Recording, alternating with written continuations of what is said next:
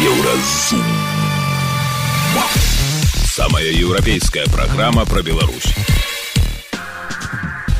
Вітаю, гэта праграма Еўразум. І самыя важныя падзеі сэнсы аўторка 23 студзеня. Па ўсёй Беларусі затрымліваюць сваякоў палітвязняў. Што адбываецца? З таго, што вядома, так насамрэч людзям паказваюць пастановы аб узбуджэнні крымінальнай справы паводле ці то ўдзелу ў экстрэміскім фармаванні то бок мяркуем што гэта артыкул 361.1 ці садзейнічанне экстрэміскай дзейнасці гэта 361 і 4 Ці можа украінскі беспілотнік выпадкова ўпасці на рэзідэнцыю лукашэнкі цікава гісторыя якщо вона дійсно підтвердиться то у режиму лукашенка буде ще один великий головний біль можливо такий же великий як і пам'ятаєте коли на в мачуліщах пошкодили літака 50 е, коли він стояв на паркувальному майданчику на нього зверху скинули вибухівку. Не знаю скільки ця антенна була пошкоджена але для росіян це було вкрай неприємно. Наіўныя расійскія лібералы на што разлічвае праціўнік Пуціна на выбарах Барыс надеждзін до сих пор тьфу-тьфу, не было случаев, чтобы людей наказывали за деятельность, которая мало того, что легально, а за деятельность, которая прямо предусмотрена российскими законами. Пра гэта ды іншае больш падрабязна цягам бліжэйшай гадзіны. Еўразум. Беларусь у еўрапейскім фокусе. 23 студзеня КДБ затрымлівае былых палітвязняў і іх сваякоў, а таксама сваякоў цяперашніх палізняволеных. Праваабаронцам вядома як мінімум пра 37 затрыманняў. Затрыманні адбываюцца па ўсёй краіне.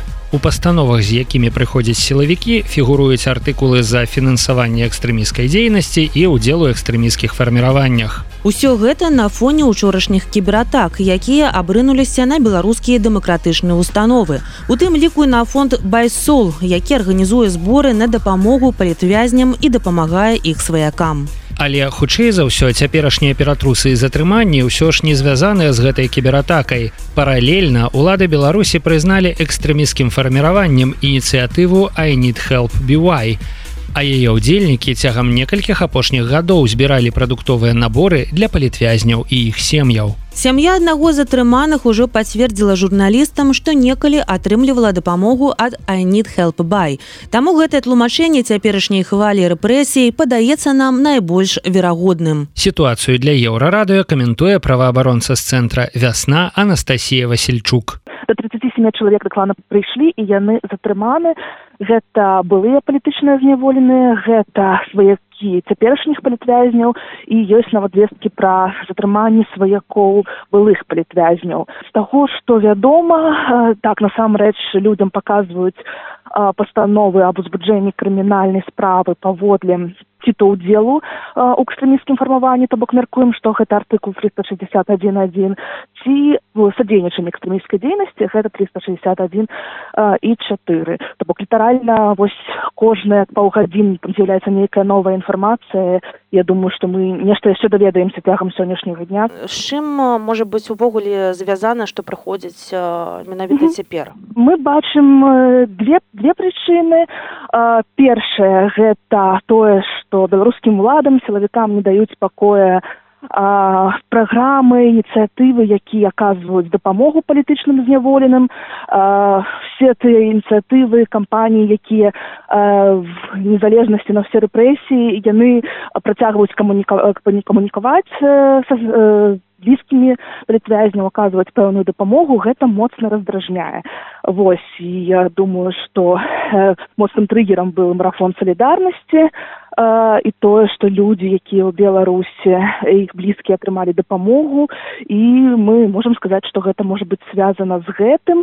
Асабліва да гэтага ўпісваюцца вось такія апошнія навіны. Напрыклад сёння стала вядома што шестнадцатых падаецца студзеня ініцыятыву ініцыятыву айнит help прызналі экстрэміскім фармаваннем. То бок гэта адна з тых ініцыятыў якая размяркоўвала ну прымала удзел размеркаванне сродкаў атрыматых падчас марафона А, ну і другая прычына гэта класічная гэта выбары якія набліжаюцца і гэта ўжо такая стандартная сітуацыя калі э, падчас выбараў узровень рэпрэсіяў ён э, падвышаецца. І нават у той сітуацыі якая цяпер калі ну падаецца ўжо зачысцілі ўсіх каго толькі магчыма э, все равно можна знайсці тых да каго можна прыйсці. Вось такая катэгорыя. Як бы былыя палітычныя зняволеныя як іх сваякі гэта такая добрая група каб яе запалохаць. Цяпер за тое што там сваяк перадаў нейкую перадачку за краты яго могуць затрымаць? Ну мы мяркуем што будуць шукаць нейкія факты напрыклад перапісак з ініцыятывамі якія прызнаны экстрэмісцкімі фармаваннямі так? Шукаць нейкія сляды перадачы грошай напрыклад на гэтыя перадачы так? А, і вось таму тут вастая і мы і нашы партнёрскія ініцыятывы і сёння і ўвогуле раней заклікалі скажем так всіх тых хто ў камунікацыі з такімі ініцыятывамі вельмі дбаць пра сваю бяспеку чысціць перапіскі чысціць кэш у тэлефоне і абавязкова паклапаціцца магчыма загадзя кантактамі дамовамі з адвакатаў калі вось здараюцца такія сітуацыі як сёння чалавек быў все ж таки больш абаронены калі таких вось дамоў э, няма і калі там перапіскі не пачышчаны. Як паводзіць сабе сваякам калі раптам да іх пагрукаліся А калі раптам да іх пагрухаліся ну просто я ўжо сказала про тое што вельмі важна думаць пра сваю бяспеку загадзя а, і мы ў камунікацыі то бок нашы людзі якія камунікуюць са сваякамі з блізкімі палітвязняў заўсёды нагадваем пра бяспеку атрымаць тэхніку а, у пачы пачышчаным стане. Зноў такі трэба загадзя заключыць дамову з адвакатам ну а калі ўжо ўсё ж такі прыйшлі то старацца паводзіць сабе спакойна не панікаваць патрабаваць как бы так э, связаться со своим адвокатом и э, як бы стараться э, казаць увогуле мінімум. То бок без адвоката не размаўляць зразумела что ситуации могут могуць быть рознымі але вось мы все ж таки як бы рекомендуем адштурхоўвацца от такого тыпу паводзінаў Дарэчы, цяперашнія рэпрэсіі крыху адрозніваюцца ад іншых. Яны асабліва бесчалавечныя, таму што накіраваныя на людзей, якія не могуць з'ехаць з Беларусі. Бо без падтрымкі сваякоў палітвязні застануцца зусім адным, а без рэгулярных перадач і камунікацыі з адвакатамі і так цяжкае жыццё за кратамі робіцца невыносным. Еўрарадыё кропка FM. Далей у праграме еўразум. Ці можа украінскі беспілотнік выпадкова ўпасці на рэзідэнцыю лукашэнкі? Цікава історія. Якщо вона дійсно підтвердиться, то у режиму Лукашенка буде ще один великий головний біль.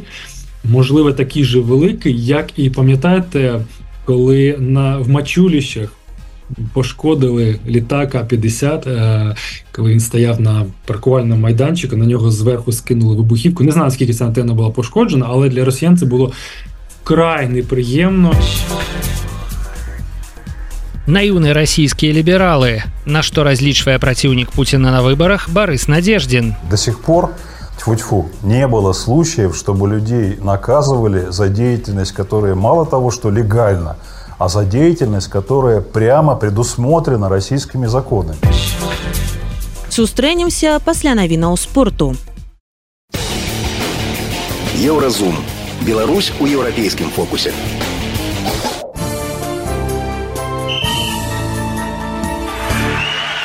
На еўрарадыё навіны спорту. Арына Сабаленко выйшла ў паўфінал Аўстраліян Опен. У матчы адной чацвёртай беларуская тэнісістка ў двух сетах абыграла барбару крэйчыкаву з Чэхіі 6263. Наступная саперніца амерыканка Какога Ауф, чацвёртая ракетка свету. Летась у фінале адкрытага чэмпіянату ЗША Сабаленко ёй прайграла.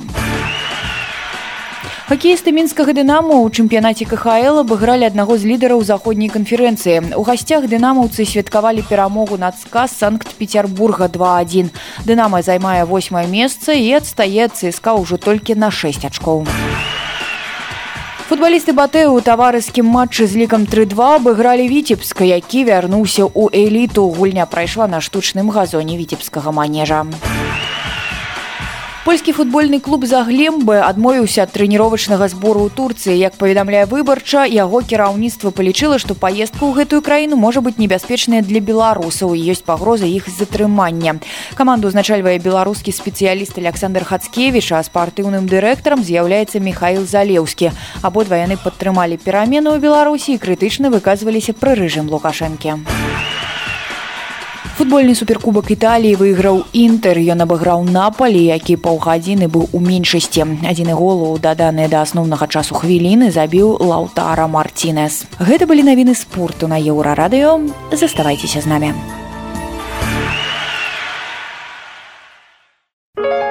Еўра радыё моц настрою Атакі беспілотнікаў на вайсковых аб'ектах у расійскіх гарадах побач з украінскай мяжой сталі штодзённай будзённасцю. І нават іх з'яўленне ў небе над Масквой ужо нікога не здзіўляе. Але вось калі украінскія дроны далятаюць сюда аб'ектаў у санкт-петербургу гэта ўжо нешта незвычайнае. Усё ж адлегласць ад мяжы ўкраіны да марскога порта услуга ў ленінградскай вобласці велізарная. Не выключана што іх шлях пролягае над тэрыторыяй беларусі. Але калі так дык дзе беларуская супрацьпаветраная абарона? І ці існуе пагроза таго што нейкі з беспілотнікаў па дарозе на усцлугу нечакана збочыць з маршрута і упадзе ну напрыклад у драздах На гэтыя ды іншыя пытанні ў эфіры еўрарадыё адказвае вайсковы аналітык эксперт украінскага інстытута будучыні былы супрацоўнік СБУ Іван ступак. Добрый дзень пані Іване. Вітаю вітаю. Дуже дякую що запросили. Дуже дзякую что адгукнуліся. Спадар Іван давайте пачнем. Ведаеце з чаго? Скажите ўсё ж таки якім чынам і хто? СБУ гур ці служба знешняй разведкі змаглі дамовіцца с кім там с вайсковымі ці с лукашэнкам напрамую каб беспілотнікі праз беларускую тэрыторыю пропускалі праз сябе на Піцер. Ну як же ж ну праз Беларусь усе маршруты. Цікава історія. Якщо вона дійсно підтвердиться то у режиму Лукашенка буде ще один великий головний біль. Можливо такий же великий як і пам'ятаєте коли на в мачуліщах пошкодили літак А-50, е, коли він стояв на паркувальному майданчику, на нього зверху скинули вибухівку. Не знаю, скільки ця антенна була пошкоджена, але для росіян це було вкрай неприємно, і тоді тоді був наганяй, як так, як була організована робота. Е, думаю, що тут, якщо підтвердиться, що все ж таки через територію Республіки Білорусь пролітали безпілотники, будуть. Певні організаційні висновки, якісь і будуть можливо звільнення. Але питання яке? Ну немає систем протиповітряної оборони, які можуть повністю прикрити е, цю територію. Дивіться, безпілотник він це ну там півтора-два метри в розмаху да, цих крил. Він доволі малий, ну від, ну, відносно там великих ракет. Він повільний, дуже повільний. Скільки 300 км на годину може летіти, можливо, навіть менше 200. І його не можуть збити ці ракети, ракетні комплекси ТОР, С-300, С-400 можуть панцирі, але панцирів мало на всіх не вистачає. Частина знаходиться в Україні, частина знищена в Україні, частина пошкоджена в Україні, частина знаходиться в Москві на Фрунзенській набережній, там де Міноборони, на, на будівлі, на будівлі. МЗС російського на Валдаї на Рубльовському шосе в Москві, і тому для захисту всіх ем, локацій просто не вистачає цих комплексів. І навіть самі російські пабліки писали, що ну на рівні так, Візьмемо це така непідтверджена інформація. Кажуть, ми три години спостерігали, як летять ці об'єкти, але нічого з ними зробити не могли. Але ўсё ж таки калі быў першы залёт на Піцер показалі потым украінскія паблікі маршрут Ну і нібыта вот з самага там краю усхода Украіны праз расійскую тэрыторыю і туды уже на на Піцер. А калі быў удар по услугу то чамусьці показалі наўпрост праз Беларусь. Мачыма такое ўвогуле ці не Може бути, але ж ну ще раз пабліки на то не пабліки. Вони ну, вони рисують, що їм здається. Ну ніхто ж не знає, наскільки е, дійсно був е, таким вітіюватим маршрут, наскільки часто цей безпілотник або е, ну, пригальмовувався, десь занижався, бо там є ліси, є ріки. Над річка можна нижче летіти. Ліси треба підніматися вище, якась там забудова, якісь лінії електропередач. Треба летіти. Шукали місця, де лінії, де ці протиповітряна оборона не є а, там такою постійною, десь там ну, невеличкі відхилення можна робити між них пролітати, між крапель води. Тобто це серйозна робота. Я думаю, що росіяни теж будуть намагатися вдосконалитися, доведеться шукати нові повітряні шляхи. Але головне, що є. Тобто, цей удар по услузі був дуже болючим. Окрім того, що це гроші, це товар, який не проданий, це е, знову гроші в ремонт цієї установки. А вона е, фахівці кажуть, мільйони доларів коштує. Тут навіть справа не в мільйонах. Вона поштучний товар. Вона не просто так і не можна на ринку замовити, особливо в санкціях. Ну і це ж олігархи Леонід Міхельсон і Єнадій Тімченка на прізвиська Гангрена. Найближче оточення Путіна це їх власність.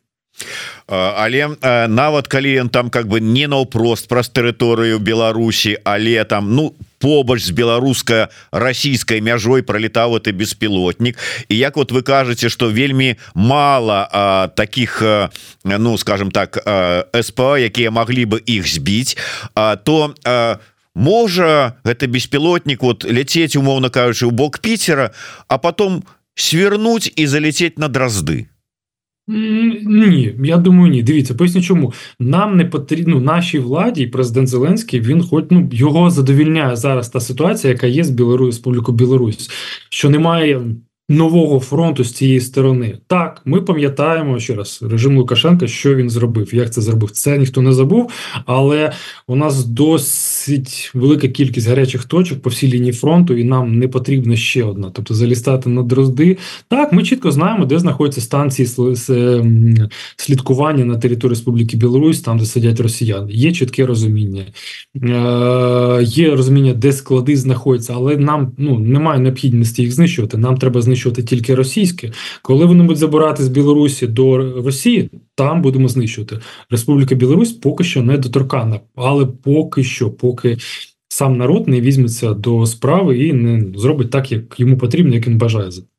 Але вот было пытанне ад наша гледача под нікам Макссім які пытаўся про тое что ўсё ж таки удар по тым же самым нафтаперапрацоўчым этом ці не перапрацоўчым за ну карацей кажучы по, по тым аб'ектам у тым же Піцеры ці на Господі у бранску ці ў іншых. Гэта найперш ну апроч так может быть псіхалагічнага удара это удар по забеспечэнню расійскай арміі палівам каб не было чым танки БТРы і самолеты запраўляць вядома что ўсё ж такі і беларуская інфраструктура тыя ж самыя НПЗ працуюць на расійскую армію.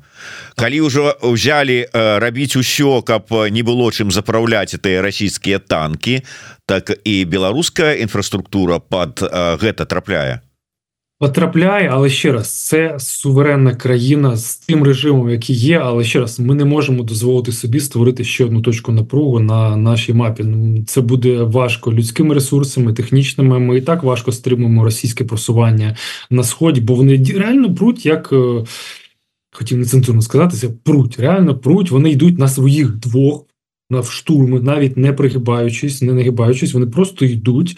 А, Тобто, ну там зусилля ми витрачаємо велике. Ви кажете про НПЗ, але от давайте згадаємо ще Афіпське НПЗ, Краснодарський край це 400 кілометрів через лінію розмежування, через окуповані території. Безпілотник прилетів і знищив велику кількість палива. Там авіаційний керосин був для забезпечення російської авіації. От такі речі будуть відбуватися і далі. Ті НПЗ, які знаходяться в зоні ураження, будуть вражатися. Плюс а, військові об'єкти, виключно військові бази, штаби, склади. Ну зрозуміло, це все, що там носиться зелена форма, там буде вилучатися. Плюс квазі військові об'єкти, напіввійськові. З першого погляду вони цивільні, але по факту роблять на ВПК. Це наукові конструкторські дослідні якісь е, інституції, установи, які е, роблять, наприклад, якісь там плати, е, підшипники, мікроелектроніку, напівпровідники для ВПК, які роблять е, схеми, наприклад, для до, господі, до ланцетів або викрийку для ланцетів для цих безпілотників, е, для іскандерів, там для там що там для кінжалів. Оці всі об'єкти будуть нашими пріоритетними цілями. Плюс окремо люди, які є драйверами цих програм, які от згадайте по аналогії з Ізраїлем. Ізраїль знищував провідних науковців іранської ядерної програми. Я думаю, що ми про це теж почуємо, але вже на території Рефі. Беспілотнікі атакуюць расійскую інфраструктуру далёка ад лініі фронта ва ўкраіне апошнім часам яны далятаюць нават да санкт-петербурга. Як такое магчыма? І ці не спіць у шапку беларуская супрацьпаветраная абарона рэдактор еўрараду зміцер лукашук працягвае абмяркоўваць тэму з вайсковым аналітыкам экспертам украінскага інстытута будучыні былым супрацоўнікам сбу иваном ступаком.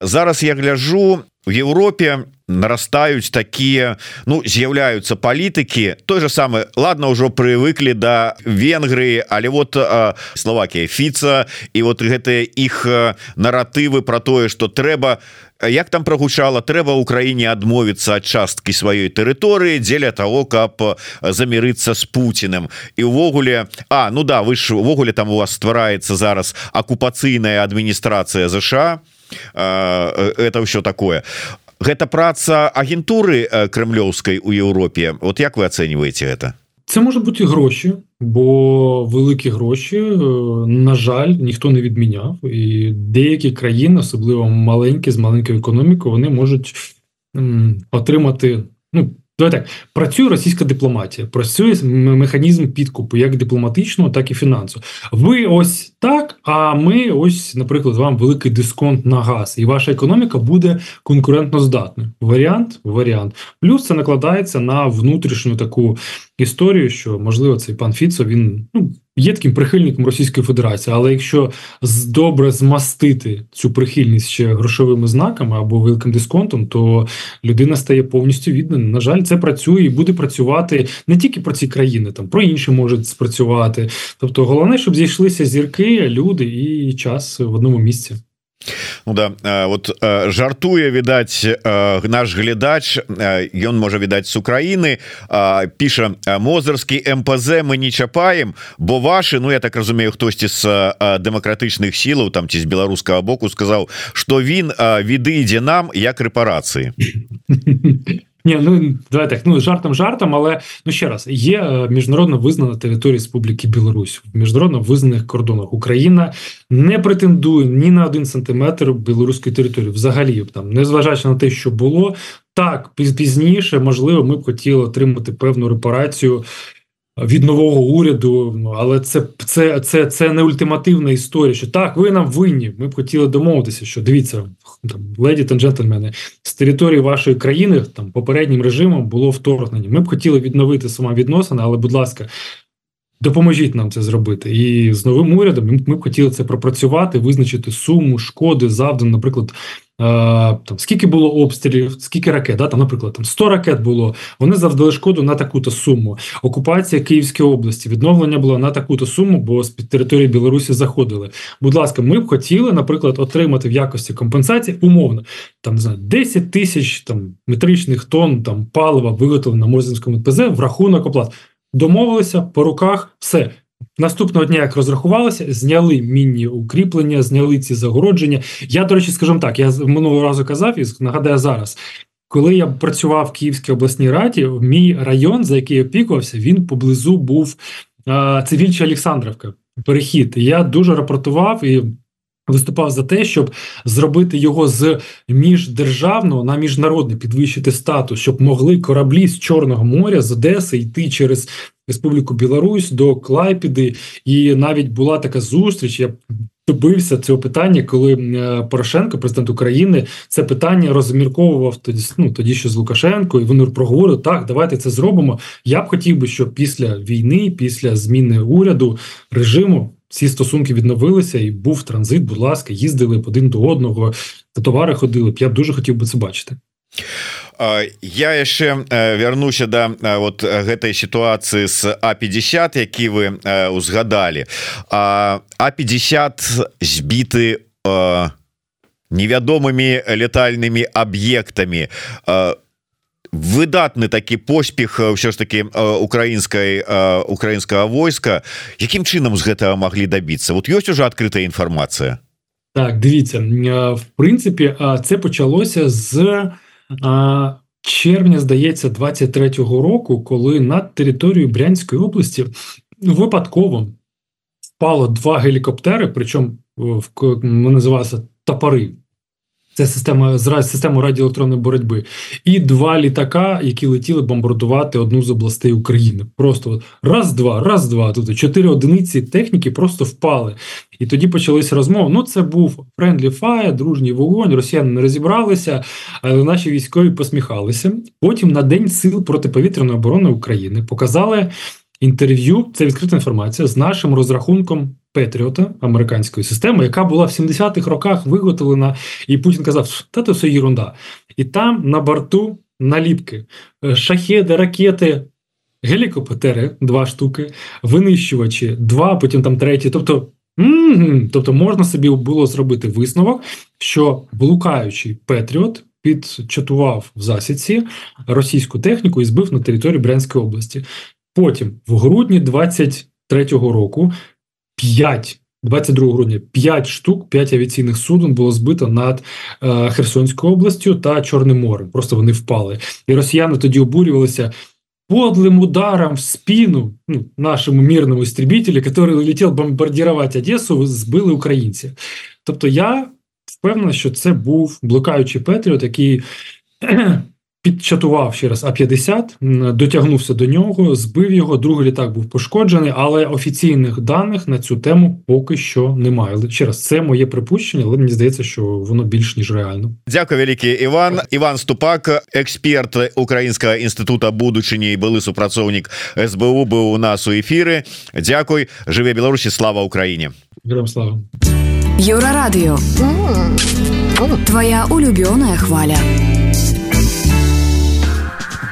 Далее у праграме еўразум наіўныя расійскія лібералы на што разлічвае праціўнік Пуціна на выбарах Барыс надеждзін до сих пор тьфу-тьфу, не было случаев, чтобы людей наказывали за деятельность, которая мало того, что легально, а за деятельность, которая прямо предусмотрена российскими законами. Сустрэнемся пасля навінаў шоу-бізу. Еўрарадыё. Твоя улюбёная хваля. Шоу-біз.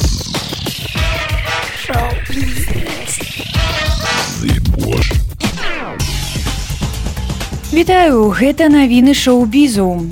У Глівудзе стартавала праца над самым доўгачаканым і чароўным праектам з гісторыі кіно серыялам па кнігах пра гары потара.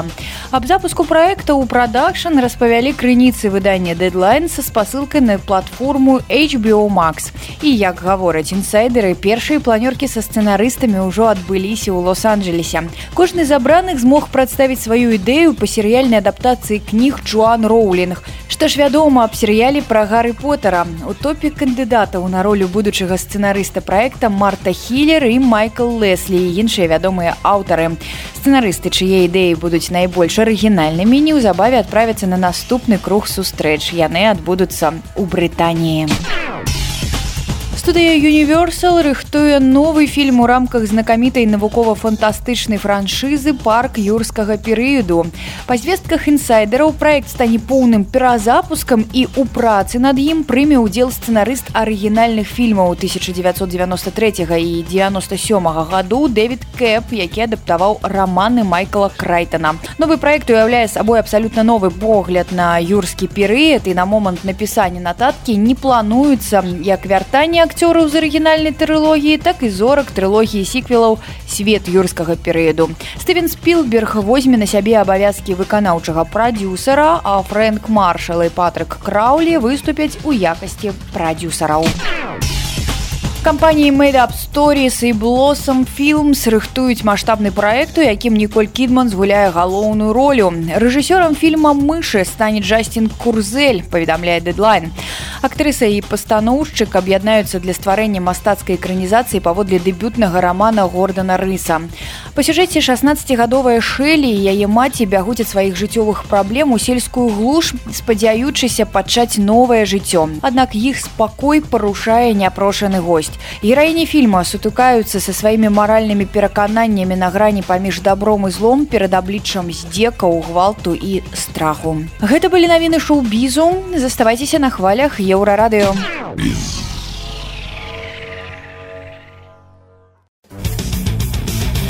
Еўразум. Жыві ў рытме Еўропы.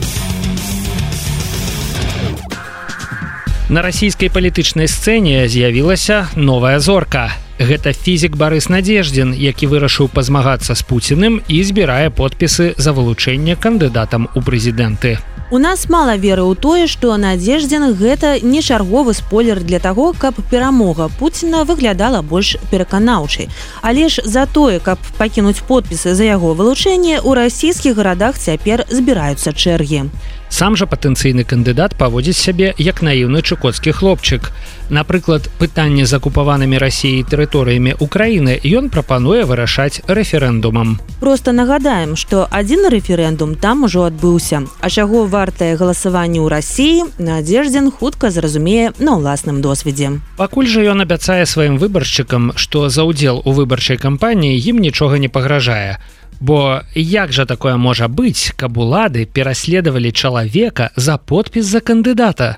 Беларусам такое нават слухаць смешна, але давайте паслухаем, што Барыс Надзеждзін зусім нядаўна казаў на гэтую тэму ў стрыме з паліталагіняй Кацярынай Шульман. Это нам позволяет подойти к тому вопросу, который людей довольно сильно волнует, судя по тому, что они пишут. Не будет ли потом каких-то репрессий за участие в этой избирательной кампании. Вот вы собираете подписи, вы их сдаете ну, собственно, Кремлю, да, а там данные у людей. Не будет ли это использоваться как база данных для того, чтобы вот знать сразу все про антивоенно настроенных россиян, а потом прийти по каждому из этих адресов? Я думаю, что вам этот вопрос задавали. Давайте вы попробуйте на него ответить, потом я скажу вам, что я думаю по этому поводу. И не только я, кстати, многие юристы уже тоже выступали и говорили следующее. До сих пор тьфу-тьфу, не было случаев, чтобы людей наказывали за деятельность, которая мало того, что легальна, а за деятельность, которая прямо предусмотрена российскими законами.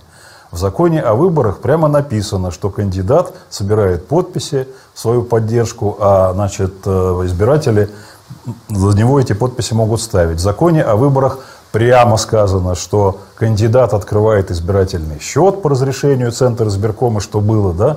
Это ж не я так просто так, это Центр избирком мне сказал, открывайте счет, вот бумаги дал и так далее. Не было случаев, чтобы преследовали за какие-то пожертвования, значит, абсолютно легальные. Я сейчас поясню разницу. Вот смотрите, у нас, конечно, могут придраться, бог знает чему. Вот, э, вот эту девушку Скочеленко, которая переклеивала, ну, на, на, на ценнике написывала, слово «мир», да, а ее закрыли на 10 лет. Это безумие полное, да, вот максимум, что можно было ей выписать, но потому что деятельность по переклеиванию ценников не предусмотрена никакими законами, и можно было ей там выписать, там, не знаю, хулиганство или там нарушение каких-то требований магазина, в конце концов, где эти ценники были. Но нет, ей выписали тяжелую статью. Но в чем принципиальная разница? Деятельность по переклеиванию, переклеиванию ценников никак не описана в законах, а деятельность по э, простановке подписей за кандидата, например, за Надежду, написано прямо в законах. А ў паліталагіні ці то памяць апынулася вельмі кароткай ці то паінфармаваная яна пра беларускія падзеі не вельмі добра. Бо замест пярэчанняў шульман вырашыла попаддакваць надеждзіну смотрите по поводу что называется последствий. Давайте я сначала как это сначала всех напугаю изложу вам худший сценарий возможный а потом скажу почему скорее всего, он не самый вероятный.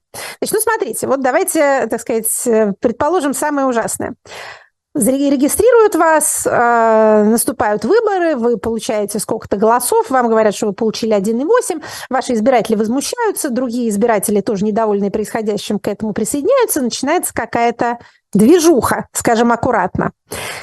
То есть что-то происходит похожее на то, что происходило в Беларуси в 2020 году.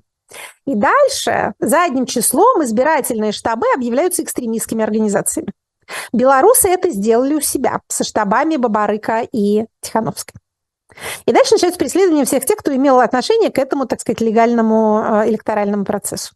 Вот это, еще раз повторю, худший вариант. Даже в Беларуси тех, кто ставил подписи, не преследуют. Пра тое, што тысячы чалавек у Беларусі пазбавіліся працы праз подпіс за Віктора Бабарыку Шульман не чула. Шмат хто з гэтых людзей дагэтуль не можа ўладкавацца, бо на працу ў дзяржаўныя установы бяруць толькі лаяльных рэжыму. Ды і на прыватнікаў таксама ціснуць. Але расійскія лібералы не спяшаюцца засвойваць урокі беларускіх рэпрэсій. Ну а з іншага боку, калі б надзеждзін адказваў, што подпіс за яго вылучэнне пагражае патэнцыйнай небяспекай, ну хто б за яго тады падпісаўся. Вось ён і паводзіць сябе як палітык. Гэта была праграма Еўразум, штодзённы інфармацыйны падкаст еўрарадыё. Кожны дзень мы распавядаем пра самыя галоўныя навіны Беларусі і свету. А сённяшні выпуск скончаны, беражыце сябе. Пачуемся. Еўразум. Самая еўрапейская праграма пра Беларусь.